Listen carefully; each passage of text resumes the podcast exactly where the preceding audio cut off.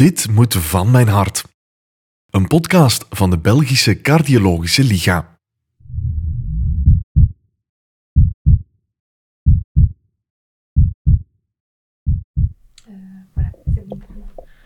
Ik ben Filip, ik ben 66 jaar. Ik ben nog steeds werkende, omdat ik nog altijd graag onder de mensen kom. Ik heb een carrière achter de rug van 25 jaar als officier bij de Paras, dus een behoorlijk actief leven. Daarna ben ik overgestapt op consultancy voor een Engels bedrijf. Heb ik uh, tien jaar in het buitenland gezeten, vier jaar Pakistan, twee jaar Afghanistan, twee jaar in de Congo. Ik ben voor de tweede keer gelukkig getrouwd en in het jaar 83 is mijn leven veranderd.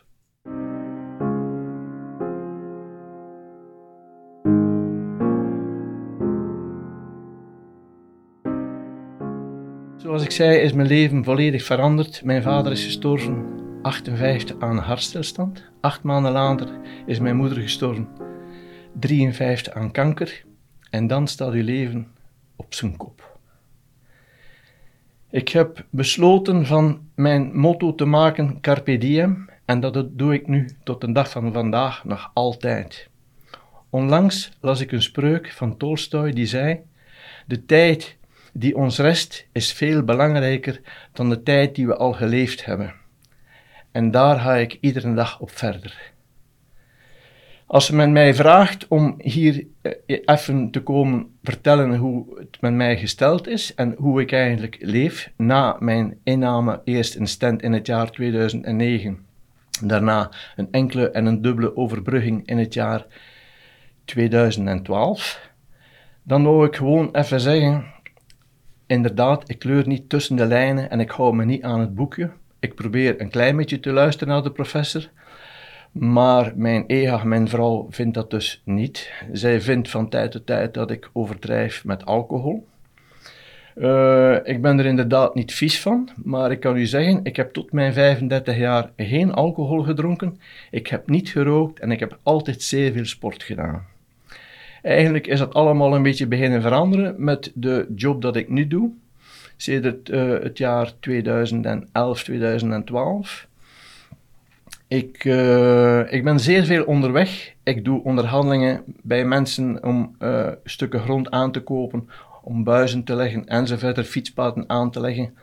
Uh, soms zeer moeilijk, zeer veel in de auto zitten, zeer veel kilometers rijden, soms 200, 300 op een dag. Ik maak 40 tot 45.000 kilometer per jaar. En als ik dan in de auto zit, en dat heb ik op de laatste consultatie bij de professor ook gezegd, dan kan ik gelijk een klein kind verlangen achter een lekkere whisky of achter een glaasje rode wijn. En soms, ja, heel dikwijls in feite, blijft het daar niet bij. Heb ik zin in een tweede glas of in een derde glas?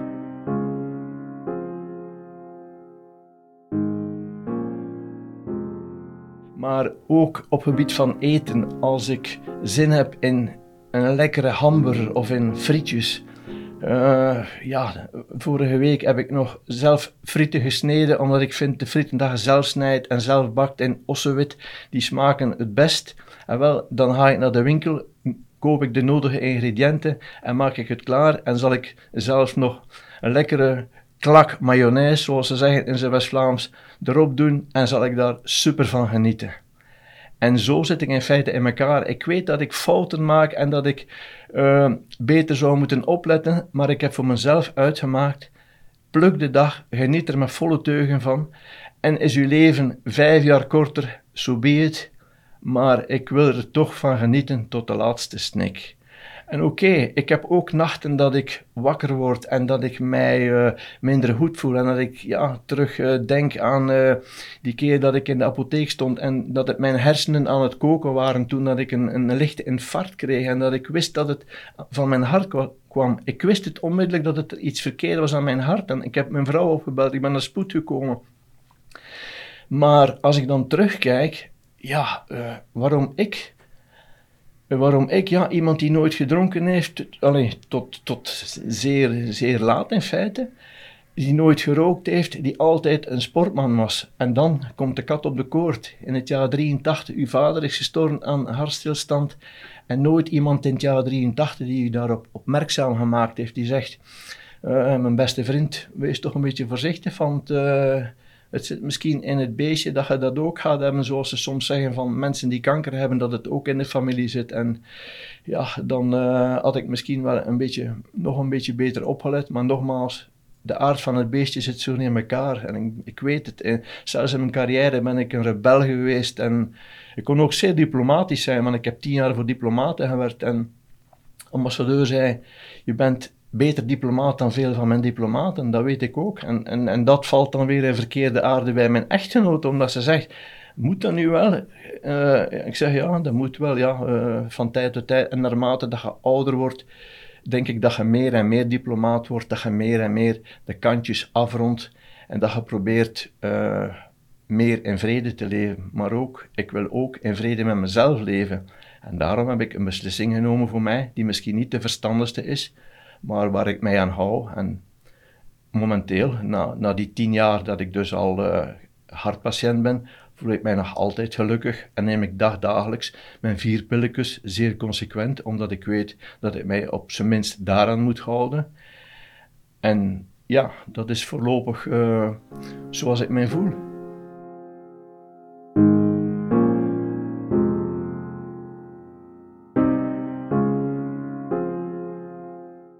Terug te komen uh, op hoe dat ik in feite uh, vastgesteld heb dat ik dus een, uh, ja, iets aan mijn hart had.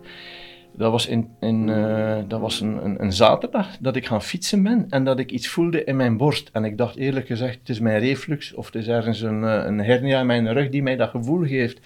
Maar de volgende dag ben ik opnieuw gaan fietsen. Dus eigenlijk, en dat gevoel is toen niet, niet echt teruggekomen uh, bij de tweede keer te fietsen op een zondag. Maar de maandagmorgen moest ik naar de, naar de apotheek, uh, want ik, ik neem veel supplementen. Nog een reden om te hopen dat je nooit die Sunny Hart gaat krijgen. Maar uh, ik sta bij de apotheek en ik moet even wachten. En opeens voel ik, zoals ik juist kwam te zeggen, mijn hersenen die precies begonnen te borrelen. En ik eigenlijk, ik voelde niet het typische van, van, van, van mijn borst of zo, maar ik voelde het gewoon in mijn hersenen, er is iets verkeerd met mijn hart. Uh, de apothekeres heeft mij in een woonplaats in een zetel geplaatst, heeft de, de, de arts van dienst opgebeld, die is gekomen en hij zei, moest het mijn broer zijn, dan stuur ik u onmiddellijk naar spoed. Dat heeft mijn vrouw dan ook onmiddellijk gedaan, ze heeft me onmiddellijk naar spoed gevoerd. Ik ben niet meer buiten gekomen, ze hebben beslist van katheterisatie te doen, ze hebben mij een stent gestoken, maar wat ik mij nog zeer goed herinner, ik weet niet wie die, die, die uitspraak gedaan heeft, Mocht het nu zijn, dan zou ik de stem van de professor herkennen, maar toen wist ik niet wie dat die uitspraak deed. En toen hoorde ik zeggen, de rest is ook al ziek. En dat is me altijd bijgebleven. Effectief, de rest was blijkbaar ook al ziek. Uh, en een paar jaar later ben ik dus uh, opnieuw moeten binnenkomen, maar dat was een Hans ander verhaal. Ik was regelmatig het gras aan het maaien, maar als ik uh, ja, drie minuten bezig was, moest ik echt op mijn knieën gaan zitten, uh, vooroverbuigen. Ik had een enorme, enorme pijn tussen mijn schouderbladen, wat blijkbaar zeer atypisch is. En uh, ja, als ik mijn ras wilde maaien, zat ik tien keer neer. Uh, mijn vrouw zei, de scheelt iets met u. Ik zeg, nee, nee, nee het, is een, het is een hernia.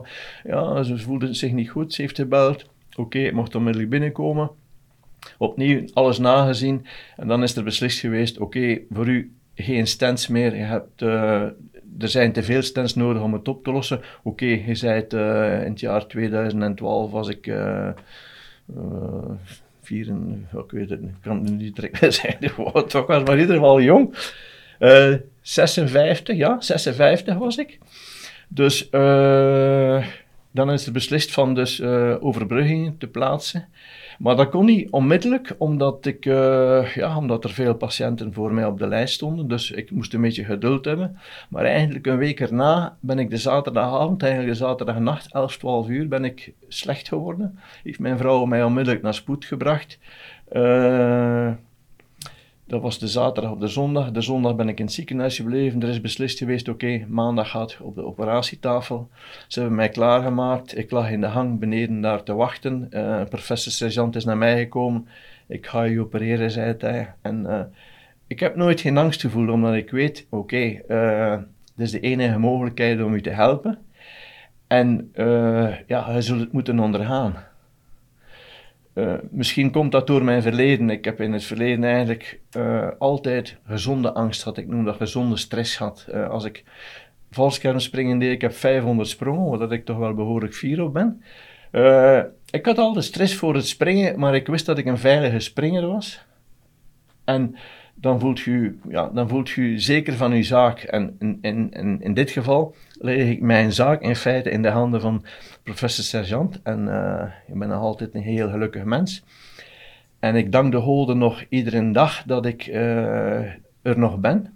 Ik ben zeer dankbaar, absoluut. Maar dan gaat je misschien zeggen dat is, een, dat is een, uh, iets die niet klopt met die manier van leven.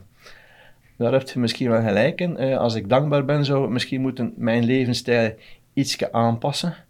Uh, van tijd tot tijd probeer ik wel een keer een week niet te drinken of zelfs een keer een maand niet te drinken. Uh, ik denk dat dat mijn grootste probleem is, want bij mijn laatste controle heeft de professor gezegd, mijn goede vriend, je had toch moeten een klein beetje opletten, want je begint pre-diabetisch te zijn. Hm? Uh, nu, ondertussen heb ik uh, even uh, nagedacht hoe dat had kunnen komen. Mijn suiker is altijd hoog geweest. Maar ik heb ondertussen nagedacht hoe dat, dat zou kunnen komen. En ik ben tot de vaststelling gekomen, de laatste vier, vijf maanden heb ik veel minder bewogen, minder gefietst. En er is een heel, heel simpele reden voor. Ik ben, sinds vijf maanden ben ik ook een bionische man geworden, want ze hebben mij een nieuwe heup gestoken. Dus uh, ja, dan zijt je inderdaad wel minder mobiel. Alhoewel, en daar ben ik ook weer fier op. Na 17 dagen zat ik terug in mijn auto en was ik terug aan het werk. En ik wil even terugkomen op mijn revalidatie van mijn hart. En daar ben ik ook fier op. Je mocht een maand na uw hartoperatie niet met uw auto rijden. En wel, een maand plus één zat ik ook opnieuw in mijn auto en was ik ook opnieuw aan het werk. Omdat het ook de aard van het beestje is.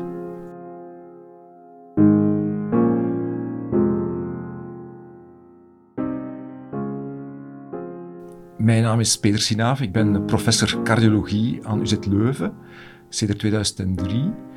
Um, en ik specialiseer me in coronaire aandoeningen, in trombose ook van de coronaire, hartinfarcten. En uh, wij repareren de coronaire van mensen door daar stents in te steken. Maar wij overleggen ook heel vaak met de chirurgen als er overbrugging moet gezet worden. Of we delen die uh, verschillende technieken bij één patiënt zelfs ook. Uh, ik ben trouwens ook ervaringsdeskundige. Ik ben ook op jeugdige leeftijd hartpatiënt geworden. Dus ik relateer wel met, uh, met jeugdige mensen die hartpatiënt ook worden.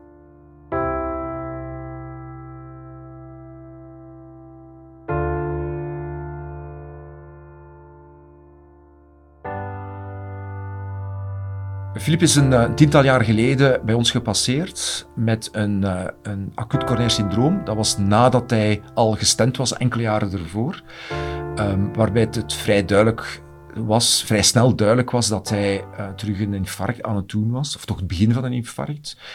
Um, weliswaar met pijn tussen de schouderbladen, wat niet zo heel typisch is. De meeste mensen hebben druk op de borstkas. Um, hebben ook wat zweten, wat misselijkheid, wat buikpijn eventueel zelfs. Uh, maar we hebben gelukkig wel goede diagnosemiddelen, een elektrocardiogram, bloedwaarden en zo, waarbij we heel snel kunnen zien of dat iemand zuurstoftekort begint te krijgen in zijn hart. En vandaar dat we eigenlijk vrij snel terug een katheterisatie gaan doen zijn bij hem, uh, om dan vast te stellen dat er uh, terug progressie van ziekte was.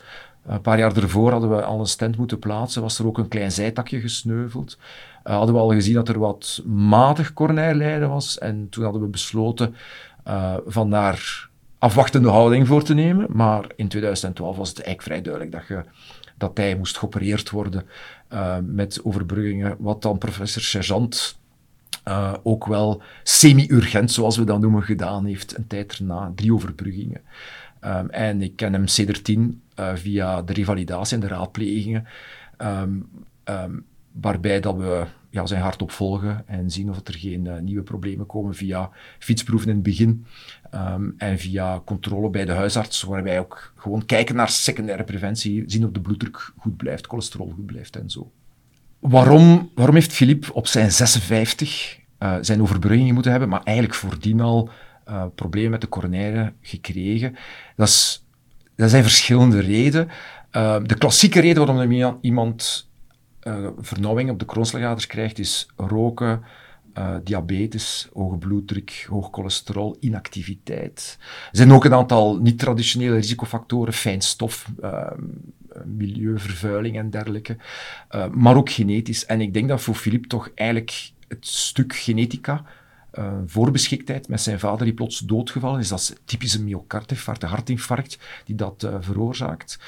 dat is samen met een factor hoog cholesterol, die ook familiaal bepaald is, wel een, uh, een, een duidelijk uitlokkende factor was. Gezien hij geen overgewicht had, heel actief was, uh, niet rookte.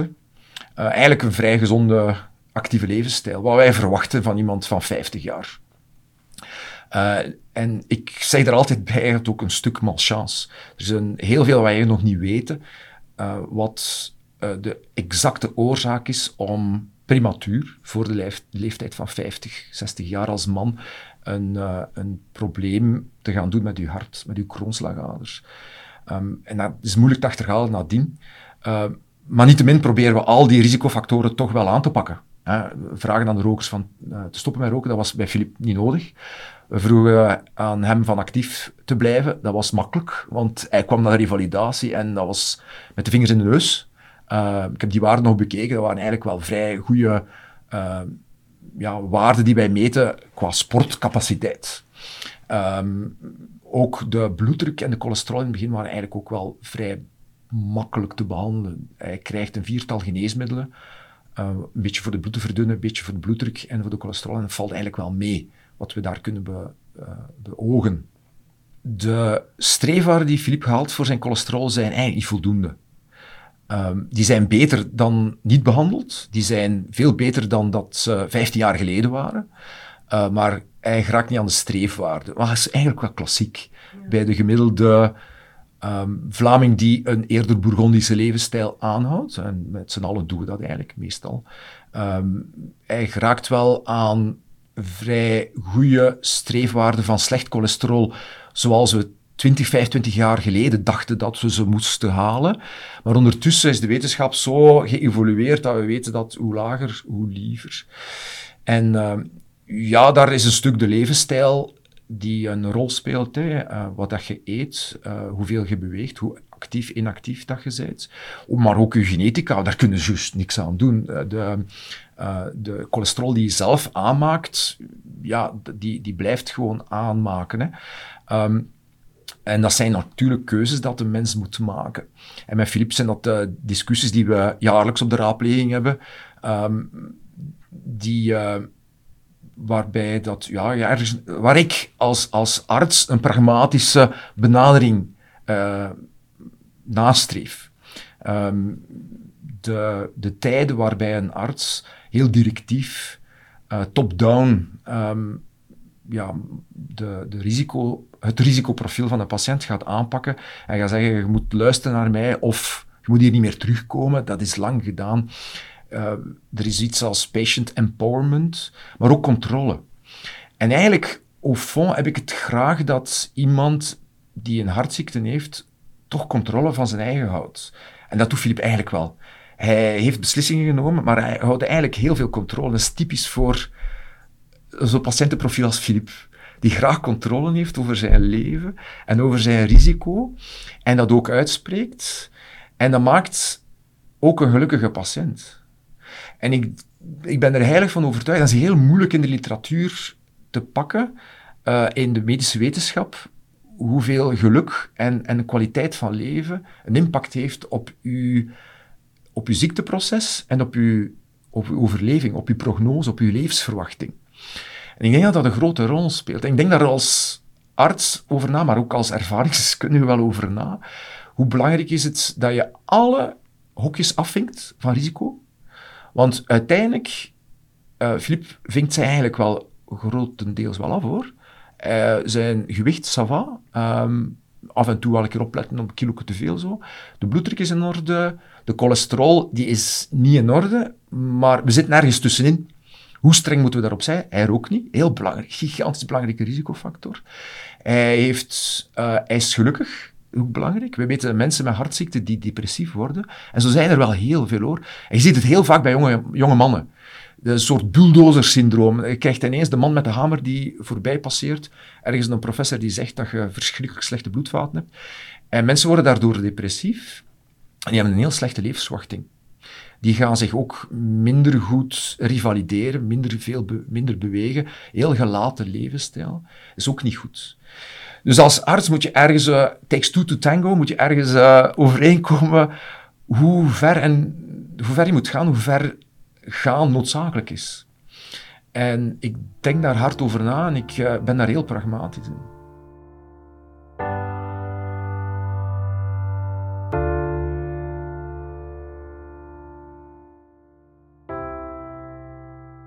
Filip heeft een, uh, een doelbewust, eerder Bourgondische leefstijl, wat hij tegen mij op de raadpleging vaak uitvergroot, maar waarbij ik kijk ook naar al zijn lotgenoten, mij, onze lotgenoten in de wereld, en denk van, het valt eigenlijk wel mee. Ja. Het valt eigenlijk mee. Vandaar ik, eh, ik mensen die op de raadpleging passeren en die uh, een liederlijke levensstijl aanhouden, ik voel mij altijd geroepen om toch een keer met de hamer op de kop te slagen. En mensen toch wel met de neus op de feiten te drukken, ja, je levensverwachting is wat verminderd. En dat is mijn taak ook als arts, om te zeggen, je risicofactoren zijn niet allemaal in orde.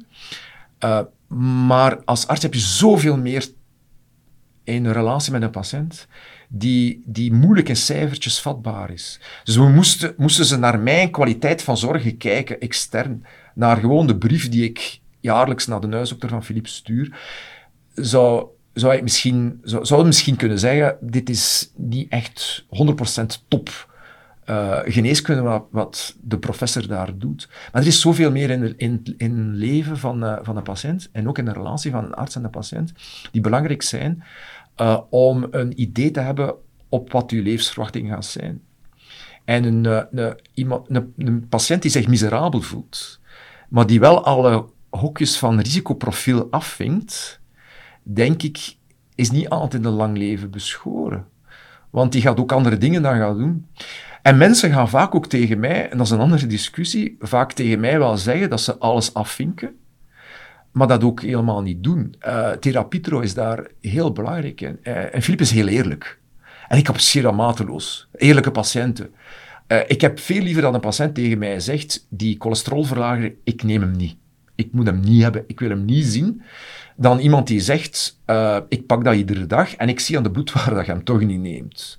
Dus ik denk dat eerlijkheid van mijn kant, ik, ik, hoop dat de patiënten dat appreciëren, maar ik apprecieer eerlijkheid van de patiënten ook.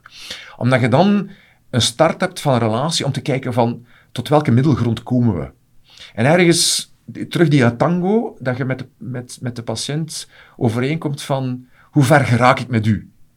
En het is een beetje geven en nemen. Dus ik ben heel blij dat, jij, dat, dat, dat Filip niet rookt. Ik ben heel blij dat je actief blijft, dat je, dat je werkt. Wie werkt er nu nog na zijn 66? Hè? Dus dat, dat, ik denk dat dat heel belangrijk is. Uh, als je je laat gaan, dan is dat heel slecht ook voor je hart. Um, en dus die, die andere keer... Ik, ik zeg ook wel aan mijn patiënten... Uh, ja, je hoeft niet altijd als een pater te leven. Je moet ja, keuzes maken. En je mag eens een taart eten. Of een cake of uh, biefstuk Béarnais. Dat mag, maar je moet dat niet iedere dag doen. En dus je moet die kwaliteit van leven, is eigenlijk heel belangrijk dat je dat af en toe een keer doet, maar eet dan een keer een paar dagen vegetarisch. En bouw alcoholvrije dagen in. Want we zien, alcohol op fond doet niet zo heel veel op je coronaire, maar als je dat vaker doet, dan gaat dat een rol spelen op je cholesterol. Gaat je cholesterol en triglyceriden, andere vetten in je bloed verhogen. En dat, uiteindelijk gaat dat zorgen voor leververvetting en dat is dan ook niet meer, uh, niet meer fijn. Dat gaat ook een effect hebben op je levenskwaliteit en levensverwachting 20 jaar van die, van die. Ik zie het ook vaak als een taak van de arts om, om te wijzen, ja, je mag buiten de lijntjes kleuren. Ik vind dat iedereen recht toe, toe heeft. Op alle vlakken. Voor de ene is dat nog een, een pijp roken op een dag. Voor de ander is dat een keer een copieuze maaltijd gaan eten. Voor de ander die zegt van bewegen. Eh, ik wil dat niet doen. Ik ga dat niet doen. Uh, dus ik, ben, ik ga voor tv zitten. Um, maar het is mijn taak om te wijzen van ja, maar we worden met z'n allen wel 80 plus. En je moet eigenlijk goed 80 plus worden. En je moet eigenlijk nu investeren in je gezondheid wanneer dat je 85 wordt. Veel mensen realiseren niet dat je daar gaat geraken, maar je geraakt daar wel. Eh, dames worden 90, 90 plus. Mannen 80, 85 plus. Maar je moet dan wel goed zijn. En als je dan kapotte bloedvaten hebt, je arteries, je slagaders van je hart zijn versleten, maar dan zijn van je nieren ook versleten, die van naar je hersenen versleten, dan, uh, dan ben je predimenterend, dan heb je uh, um, nieren die niet meer goed functioneren, hart die niet meer functioneren, je bloedvaten naar je benen functioneren niet meer. Um, en dan zit je daar, miserabel. En in afwachting van euthanasie voor voltooid leven, wat er niet is en misschien ook nooit gaat komen, uh, denk ik dat je dan wel, ja, misschien wel een, een slechte oude dag hebt.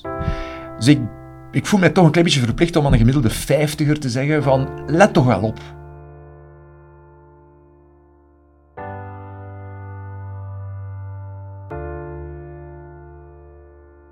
Misschien komt er een dag dat ik inderdaad mij zal realiseren dat ik fout was. Maar tot op heden, carpe diem blijft mijn motto. Ik hou eraan vast en ik hoop dat er een beetje meer mensen zijn die daar ook begrip voor hebben en die misschien ook wel iets gelukkiger kunnen worden door het feit dat ze van tijd tot tijd toch eens buiten de lijnen kleuren. Dat doe ik misschien iets te veel, maar ik zal proberen in de toekomst ook een beetje beter tussen de lijnen te kleuren, maar een garantie om er nooit over te gaan zal ik u zeker en vast nooit kunnen geven.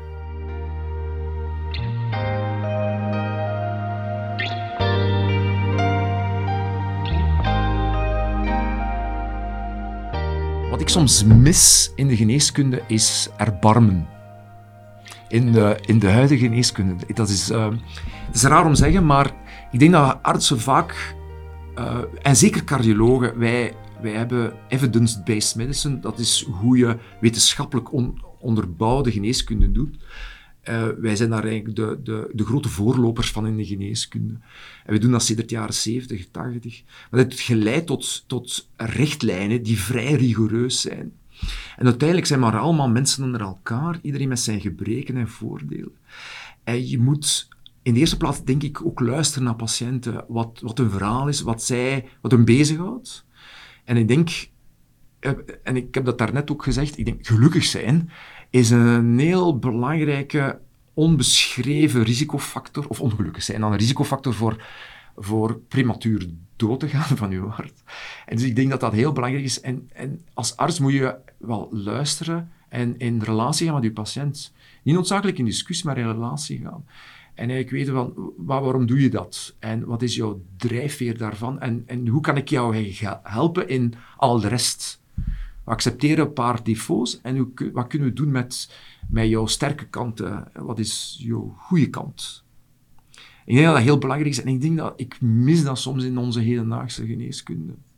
En zeker in de, cardio, in de cardiologie, als je de richtlijnen leest, die zijn heel streng, heel strikt. En met goede reden hoor. Ik draag bij aan die wetenschap, doe er ook onderzoek op. Maar het zijn ook maar richtlijnen. En we zijn allemaal mensen naar elkaar en je moet er nog altijd leven. En dat is denk ik ook een boodschap dat ik zou graag meegeven. Het is geen vrijgeleide naar een liederlijke levensstijl, laat ons heel duidelijk zijn. Maar een beetje compassie, een klein beetje erbarmen, een klein beetje uh, ja, relatie gaan met uw patiënt. En ergens een middelgrond vinden van uh, risicoreductie en, en wat ja, creatief zijn met risicofactoren is denk ik toch niet zo onbelangrijk. Super. De, mijn filosofische zen komt daar. Ja, nee, maar dat is wel goed, want ik was daar juist aan het denken als u zei. Bedankt om te luisteren naar deze aflevering van Dit moet van mijn hart. Vind jij het belangrijk dat deze verhalen gehoord worden? Steun dan de Belgische Cardiologische Liga. Dankzij jouw bijdrage kunnen wij ons blijven inzetten voor de preventie van hart- en vaatziekten in België. Doe een gift via leaguecardioliga.be/steun. Deze podcast werd mede mogelijk gemaakt door Organon.